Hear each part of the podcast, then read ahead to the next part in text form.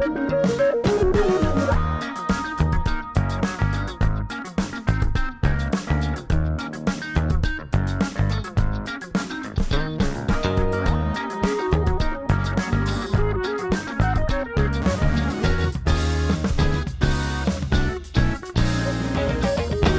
ik zou haar zeggen welkom allemaal. Eh, ik ben het aantal een beetje kwijt, maar dit is een, eh, wederom een eh, Tech Savvy Assistant podcast.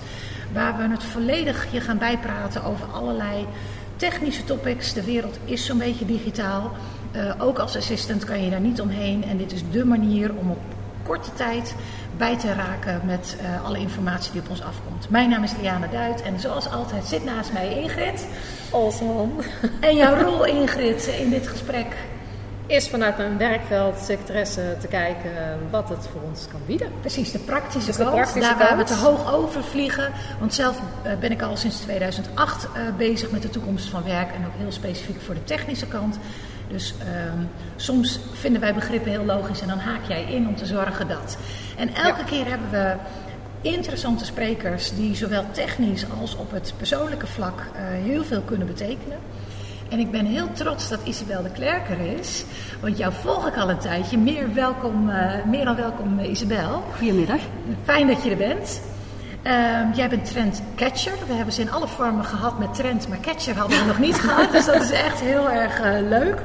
Ehm, maar jij weet alles rondom die digitale werkplek. Zo zeg ik het maar even, met name sociale technologieën, zoals je het noemt. Ja, dat klopt. En ik heb het maar een beetje vertaald naar die digitale werkplek, waar je als assistant niet omheen kan. Dus wij dachten, jou moeten we hier aan tafel hebben. Super fijn dat je er, eh, er bent. Helemaal uit Antwerpen. Helemaal uit Antwerpen, inderdaad. Ja, want we zitten wel allemaal met z'n drieën bij elkaar. Dat hadden we ook natuurlijk ook op afstand kunnen eh, doen. Eh, maar soms is intermenselijk contact gewoon heel erg leuk. Hè? Ja, zeg ik dat goed? Intermenselijk contact klinkt Ja, een beetje raar. Ja, het klopt. mooi. Ik ben, ik ben helemaal gek van alles wat te maken heeft met online. Ehm, maar het gaat natuurlijk niet alleen over online. Offline en online versterken elkaar. Precies, en dat laten we hier ook maar zien. En ik wilde eigenlijk beginnen met een kreet die je steeds vaker hoort, eh, maar waar we niet echt goed een beeld bij hebben. En dat is working out loud, eh Isabel. Jij benoemt het ook heel vaak. Kun je een concreet voorbeeld, wat is het en kun je een concreet voorbeeld eh, noemen, zodat we een beetje beeld erbij hebben? Ja, ehm, working out loud betekent letterlijk eh, luidop werken. Ehm begint eigenlijk met na te denken over datgene wat je aan het doen bent. Wat eigenlijk al een beetje raar is, want dat zijn we niet eh, gewoon om te doen. We, we werken en we gaan van de ene taak naar de andere. En dus bij Working Out Loud nemen we eerst de tijd om na te denken: wat hebben we nu eigenlijk vandaag gedaan en welke nieuwe inzichten heb je gekregen? En dan is het belangrijk na het nemen van die tijd om het om te zetten in een bericht online dat je kan delen met anderen. En dat is heel krachtig. Waarom is dat zo? Ten eerste, door zelf stil te staan bij wat je gedaan hebt, word je eigenlijk veel bewuster van wat jou weet en wat je, wat je kennis is. En ten tweede, als je het dan nog eens deelt met anderen, dan kan jouw kennis hergebruikt worden door anderen. En wordt eigenlijk dus de organisatie ook sneller en efficiënter en eh, productiever. Uh, het is niet zo dat working out loud vanzelfsprekend is. Uh, het is echt iets helemaal nieuw. En er wordt denk ik te veel van uitgegaan dat mensen het zomaar zouden moeten kunnen, omdat we allemaal op Facebook zitten. Ja, maar het gaat wel over de professionele context. Het gaat over een mindset om je kwetsbaar op te stellen. Want misschien deel je wel iets dat niet helemaal juist is. Dan zou het tegen jou kunnen gebruikt worden. En het vraagt ook een nieuwe communicatie skill. We hebben allemaal moeten leren om een presentatie te geven met PowerPoint. We hebben allemaal moeten leren om goede e-mails te schrijven. Sommige mensen kunnen het nog niet. En nu moeten we leren how to work out loud. En er wordt dus echt gezegd door de guru, Diane Hinchcliffe, is een Amerikaan. En een aantal jaren geleden had hij een blogpost en die zei: Working out loud is een van de critical skills van de digital workforce. Dus Ja. het hoort er echt helemaal bij. Maar het is ook fundamenteel nieuw. Nou, daarmee heb je meteen een heel mooi antwoord gegeven op een van de vragen die we online kregen. Ja. Namelijk, eh, wat zijn de nieuwe skills die we ons moeten aanleren? En dit Ja, is er één van. Dat eh, is er dus- één van. En Ja. eigenlijk een, ehm, een andere vraag die ik mij onlangs heb gesteld is, we spreken over skills, over vaardigheden, over dingen die we moeten kunnen doen. Maar dan wordt er ook vaak gesproken over de mindset, de attitude die je moet hebben. En eigenlijk heb ik onlangs nagedacht over in die digital workplace, welke mindset heb je dan nodig? Eh, en dan kwam ik eigenlijk tot de volgende antwoorden. Ten eerste, je moet als het ware, je mag niet meer bang zijn van technologie. Je moet er op een speelse manier mee leren omgaan. Zoals onze kinderen dat Mhm. bijvoorbeeld doen. Maar als ik bijvoorbeeld online een ticket moet boeken, dan ben ik nog altijd bang dat er iets fout gaat lopen. En onze kinderen die spelen ermee. Dus dat spelenderwijs omgaan Ja. met technologie is een belangrijke mindset. Maar ook waar ik daarnet naar verwezen heb, is die, en in het Engels zeggen ze dat dan heel mooi, ehm, reflective practice. Je moet eigenlijk de tijd nemen om ook na te denken en stil te staan bij de dingen die je doet en bij de manier waarop je ze doet. En ook dat is helemaal nieuw, want vroeger werd de manager verondersteld om die oefening te maken. En een andere mindset is ook dat je, denk ik, ehm, ja, wat proactiever moet zijn als het gaat over het uitbouwen van een netwerk en het vragen van eh, feedback. Ja. En ik merk, dat, ik merk ook een verschil nu. Heb, zit ik online, heb ik een netwerk en ik ga zelf op zoek naar feedback in mijn netwerk ehm, bij vele mensen. In plaats van dat ik vroeger in een afwachtende houding zat van mijn manager zal mij nu wel feedback geven. En ik ga nu zelf daarnaar op zoek, waardoor ik eigenlijk sterker word als professional. Want ik zit zelf aan het stuur van mijn eigen ontwikkeling. Maar dat is allemaal nieuw. Precies, het is allemaal nieuw, maar niet alleen voor assistant, maar eigenlijk voor iedereen. Voor iedereen, ja, ik zeg klopt. wel eens, iedereen is eigenlijk nu een soort immigrant in die nieuwe werkwereld eh, dan. En dat, Dat, is mooi. heel, dat een heel mooi, ja, dat is een heel mooi woord. En we moeten ons allemaal dan, ja, we moeten onze nieuwe gewoontes zo wat, eh, wat vinden. Ik denk ook wel dat die digitale werkplek, de fysieke werkplek zal altijd blijven bestaan. Ja. Maar de digitale werkplek neemt ook wel alsmaar een belangrijker eh, plaats in. Ja. Nu heb je wel heel veel skills benoemd, waarvan de secretaresse van nature misschien, misschien wel meer dan de, voor zover die er is, hè, de gemiddelde medewerker of voor andere functionarissen, ehm, dat niet zo gegeven is. Ehm, je benoemde proactief op zoek, niet dat ze niet proactief zijn naar werk, maar niet proactief op zoek gaan naar, naar feedback. Misschien is het ook een vrouwendingetje trouwens, eh, weet ik eh, niet. Kan. Ehm, Ja, wat vind jij ervan? Is het zo dat, omdat zij in een ondersteunende functie zitten, Ja. ik begrijp heel goed Ja. wat jij bedoelt, Ja. dat het net voor hen a bridge too far is? Is Ja. het een brug te Ja, ver? het, het hoort eigenlijk niet. Hè? Je bent Ja. ondersteunend, je staat achter je, je manager of je leidinggevende eh, zeg maar in je vakgebied. En die adviseer je wel, maar je gaat niet zelf op de voorgrond treden van, nou, van nou, vind je nou dat ik het goed heb gedaan wat ik nu net met jou besproken heb. Dat is iets wat dan voorkomt in een jaargesprek of in een functioneringsgesprek. Ja. Wij laten het dan maar even voor wat het is. Omdat je dan, ja, maar dat is een beetje, dat, misschien is het de oude manier van denken waarbij de baas eh, alles weet en eh, de, de alleswetende figuur is en de enige figuur eh, die eigenlijk feedback kan geven aan die persoon. Eh, maar misschien moet de ondersteunende functie geen feedback vragen aan haar baas, maar wel feedback vragen in het netwerk. En eigenlijk is het geen feedback, maar is het eerder hulp vragen.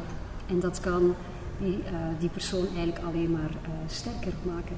Maar misschien is het inderdaad naar een manager toe dan eh, op zich een brug te ver. En ik zou het misschien ook moeilijker gevonden hebben ten opzichte van mijn baas vroeger. Maar in een netwerk, in een community, zitten allemaal mensen samen die hetzelfde doen en die door hetzelfde gepassioneerd zijn.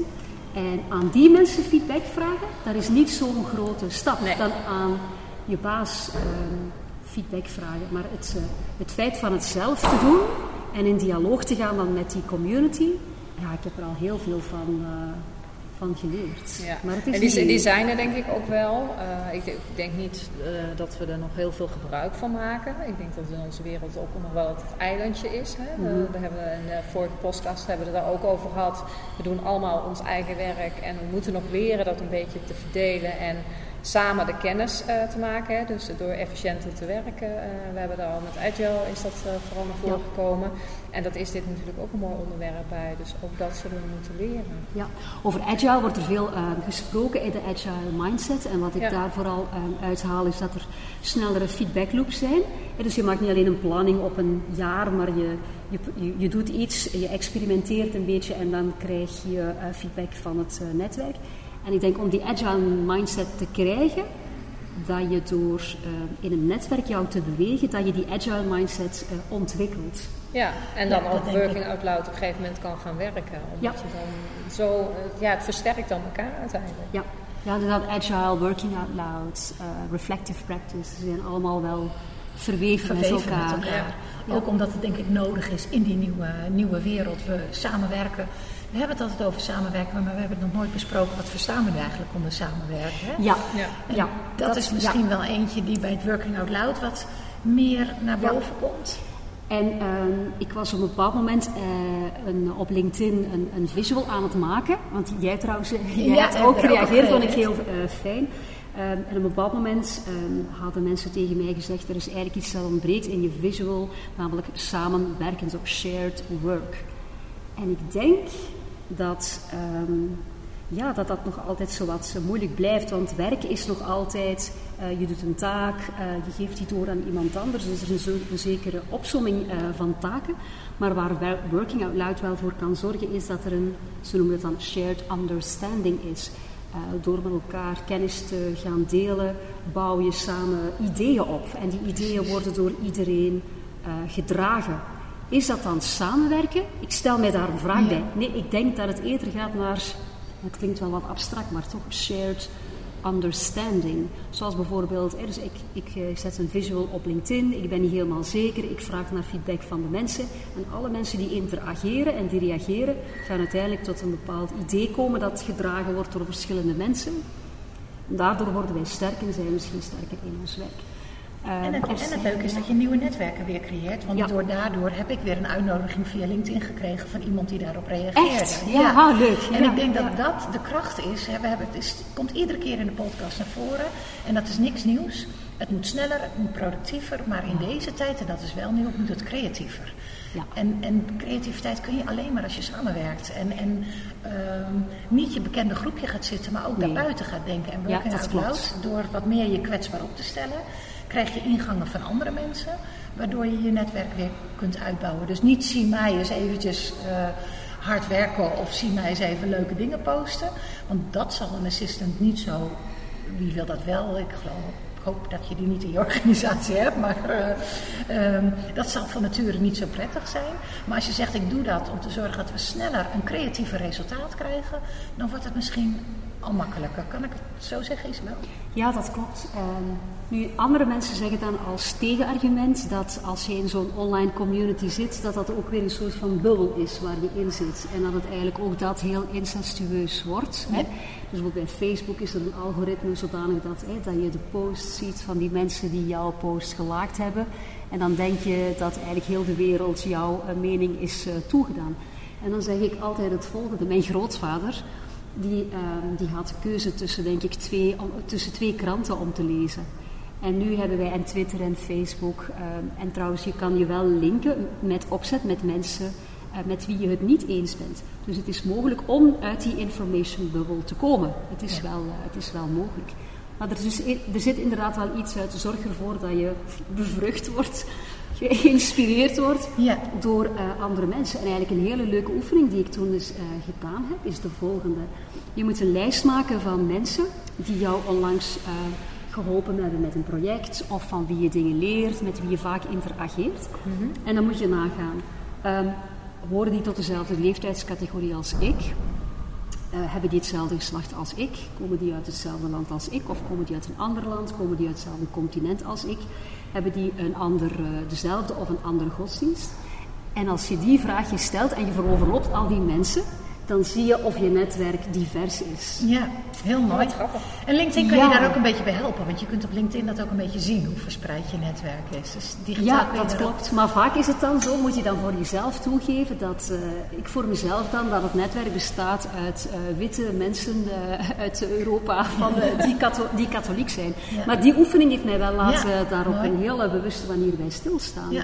Nee, ik ga ook in interactie met mensen die dan bijvoorbeeld ook veel jonger zijn.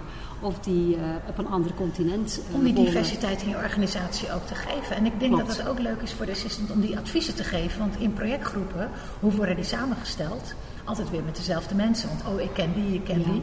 En door meer daarnaar te kijken, kun je dat ook doen. Maar volgens mij kan sociale technologie daar ook bij helpen om die diversiteit te vergroten. Ja, dat klopt, omdat je dan geïnspireerd wordt door andere ideeën. In verband met wat jij, ik wil nog even inpikken op wat je er net zei, dat ehm, de, ehm, de, de assistenten ehm, niet eh, de grote mond wil opzetten online. Ehm, eigenlijk is het zo dat online leiderschap gaat vooral niet over een grote mond opzetten, maar gaat vooral over vragen stellen aan de community. Dus eigenlijk heel humble zijn. hè. Ehm, en ook, ik heb dat eh, onlangs gezien op Twitter, brag about other people. Dus je moet eigenlijk Ja. stoeven, zeggen ze in het Vlaams, over andere mensen. Ja. En dat is net heel sterk, van kijk wat mijn collega gedaan heeft. En eh, ze heeft dat zo en zo en zo aangepakt. Ja. Dus je zet de talenten van andere mensen in de kijker. Ja. Dat is toch eigenlijk iets heel mooi. Dat is een mooi compliment. Ja, zeker. En dat Ja. is ook makkelijker om te doen, hè? om Ja. over de Ja. ander iets Ja, te schrijven. maar het is een veel sterkere manier om aanwezig te zijn Ja. dan van ze zeggen van kijk eens hoe goed ik het gedaan heb. Hè? En daarom wilden we graag dit onderwerp naar voren brengen, want iedere keer de traditionele of oude rol, misschien is die spin in het web, die blijft ook. Alleen door middel van het toevoegen van al die digitale dingen kun je daar nog krachtiger in, eh, in worden. Want jij kunt dan degene zijn die zegt van hé, hey, ik voeg wat talenten toe op jouw profiel of ik maak eens een. Ik, Inspireer iemand om daar eens een post of een blog over te maken. eh, Klopt. dan. En dat is dan vaak microblogging, wordt genoemd. Zou je dat nog kunnen toelichten? eh? Ja, het is eigenlijk zo dat ehm, eh, de taal die we gebruiken online, dat die heel eh, beknopt en krachtig moet zijn. Omdat er heel veel informatie voorbij komt. Dus je moet ervoor zorgen dat je gelezen wordt. Vroeger was dat niet zo. Je stuurde een e-mail en de andere werd verondersteld om het te lezen. Dus dan zegt men, eh, de zender besliste. En nu is het de ontvanger die beslist. Als ik op Twitter zie en, en ik ga zitten en ik ga door de berichtjes, dan ga ik op een bepaald moment zeggen, oh dat vind ik interessant, omdat dat bericht op zo'n manier is opgesteld dat het de aandacht heeft getrokken. En dus microblogging betekent korte berichten maken waarbij de hoofdboodschap helemaal naar voren wordt getrokken, krachtig is geformuleerd, waarbij er ook hashtags staan, dus die eigenlijk die duidelijk maken over welk topic het gaat. En waarbij je bijvoorbeeld ook mensen gaat taggen, zodanig dat zij ja, een, daar een notificatie van krijgen. Maar dus het is eigenlijk een nieuwe taal. En eigenlijk de beste manier om die te leren is... eh, ik heb het geleerd door op Twitter te zitten. Ja, hè? Ja, want ik ben, Twitter te ja, op. Twitter, omdat, en zeker vroeger eh, mochten tweets mochten maar 140 Precies, karakters ja. groot. Ik vond het Dat heel is nu al moeilijk. vroeger, hè? kun je nagaan. Ja, nu vroeger, want nu is het 280. Ja, ja. Maar dat heeft mij, want ik, ik praat graag en, en lang.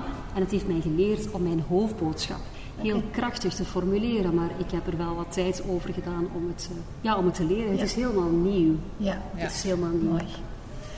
En wat, wat, heeft, wat heeft Twitter? Hè? We hebben het nu over Twitter. Ik zit zelf nog steeds niet op Twitter. Ik zou Ja. niet weten hoe het werkt op Twitter. Ja. wat, wat maakt dat voor ons als assistenten interessant om op Twitter te zitten? Nu, een- de eerste vraag die je moet stellen is niet de tool, maar is eigenlijk in eh, welk topic, over welk topic wil ik meer te weten komen. Een tweede vraag is, ehm, waar zitten de mensen eh, van wie ik zou willen leren? En als die mensen op Twitter zitten, dan moet je op Twitter gaan, maar anders eh, helemaal niet. Misschien zitten die mensen op Instagram of misschien zitten die mensen op Facebook. De eerste vraag is, dus eigenlijk twee vragen, over welk topic wil ik meer te weten komen? Wordt er over dat topic veel gezegd op LinkedIn, dan is het LinkedIn. Welke mensen wil ik volgen van wie ik wil leren? En Ja. waar zitten die? Precies. Maar dus Twitter, ja, wat je wel ziet is, je ziet er heel veel journalisten op, eh, politici. Ehm, maar mijn topic is the future of work, zoals dat van jou. Hè. Ehm, en eh, social natuurlijk. En er zitten wel veel goeroes voor mij op, eh, op Twitter, maar dat hangt ook een beetje af van het, eh, van het, van het topic. Maar dat is wel eer, dus eerst het onderwerp en de mensen en dan pas... De tool of de software of de applicatie die je gebruikt mag nooit het uitgangspunt zijn. Dat hebben we in meerdere podcasts proberen naar voren te komen en dat komt ook nu weer naar voren. Klopt. Eerst kijken wat is je doel, hoe wil je dat bereiken? En dan kijken Heeft het toegevoegde waarde. welke, welke aanvullingen kunnen we Ja. geven. Maar dus Twitter heeft mij wel geholpen om eh, te kunnen microbloggen. Want Ja. dat was Ja. voor mij ook helemaal, eh, helemaal nieuw. En het Ja. schrappen in je eigen tekst, dat is niet zo moeilijk als dat. Hè? Dus, nog Ja. even ook om het eh, concreet te maken. Ehm, we hebben eerder genoemd platforms en SharePoint is in ieder geval in Nederland het meest gebruikte. Of het nou heel goed is of niet, laten we, laten we hier gewoon even in het midden. Maar die kreet is dan meest bekend, hè? maar het kan elk platform zijn, ook een, een, een Google. Ehm, als ik transparant ga werken, wat ik ook in Working Out Loud doe, hoor ik jou eh, zeggen. Ehm, ons is al verteld van nou, als je op die platform gaat zetten, dan zet je daar je documenten op. Ehm, wat verandert er dan in Working Out Loud? Ga ik er dan nog meer hashtags aan koppelen? Of, eh, of zet ik hem er ook al op als ik nog niet klaar ben, bijvoorbeeld? Ja, je stelt eigenlijk twee, eh, je stelt Ja, eigenlijk twee vragen.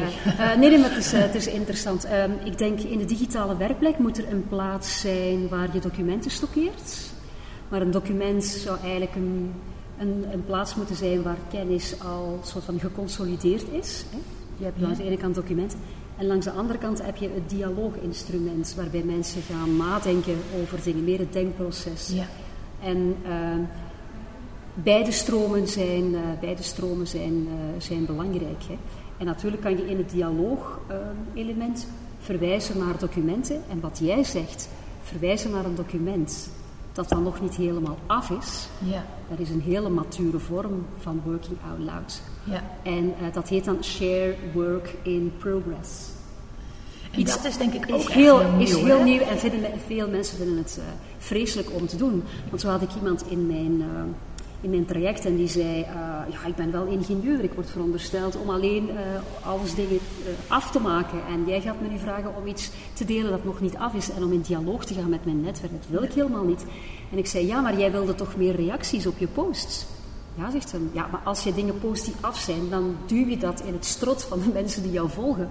Maar dan toon je je niet als een kwetsbaar iemand aan wie men vragen wil stellen. Dus stel je kwetsbaar op. En je moet natuurlijk niet een kladversie eh, online eh, gooien of in een community gooien. Maar je doet bijvoorbeeld 80% en je zegt... Dit is mijn denkproces. Eh, ik ben tot daar gekomen vanuit criterium A, B en C. Maar ik twijfel een beetje aan B. Wat denken jullie daarvan? Ja. En dan toon je van, ik wil met jullie in de interactie gaan. Jullie zijn mijn peers. Ja.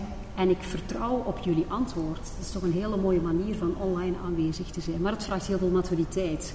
Ja. En je stelt je heel kwetsbaar op. En veel mensen willen het niet. Nee, dat is Nee, ook een cultuur eigenlijk. En, Absoluut, en daar helemaal zie ik ook weer een kans voor de assistant om een beetje bij te dragen aan die cultuurverandering. Want die is nog moeilijker dan het implementeren van een willekeurige tool eh, natuurlijk. Ja. Zie je dat ook zo, dat dat een mogelijkheid is voor assistants om... Um, ik zie een het, steentje eh, bij te dragen? ja, ik zie het vooral dat, eh, dat de mensen van de HR zouden trainingen moeten organiseren om mensen een nieuwe skill bij, te, bij te leren. Want Ja. iedereen heeft, recht op, op begeleiding. Eh, dus daar zie ik een, nou, een belangrijke rol eerst weggelegd. Want ja, het is eigenlijk voor iedereen heel, eh, heel moeilijk in de organisatie. Ja. Dus ja. We begonnen met het wordt steeds sneller en productiever en Working Out Loud. Dit was een voorbeeld waarin het ook sneller gaat. Want je kunt soms ook worstelen met iets waarvan je denkt, ik weet niet hoe het moet. Vroeger sloot je je op en ging je daar twee dagen over nadenken. Nu zet je het in de community. Reageren mensen erop en helpen ze je eigenlijk ook om te versnellen in je ideeën. En dat zou een hele.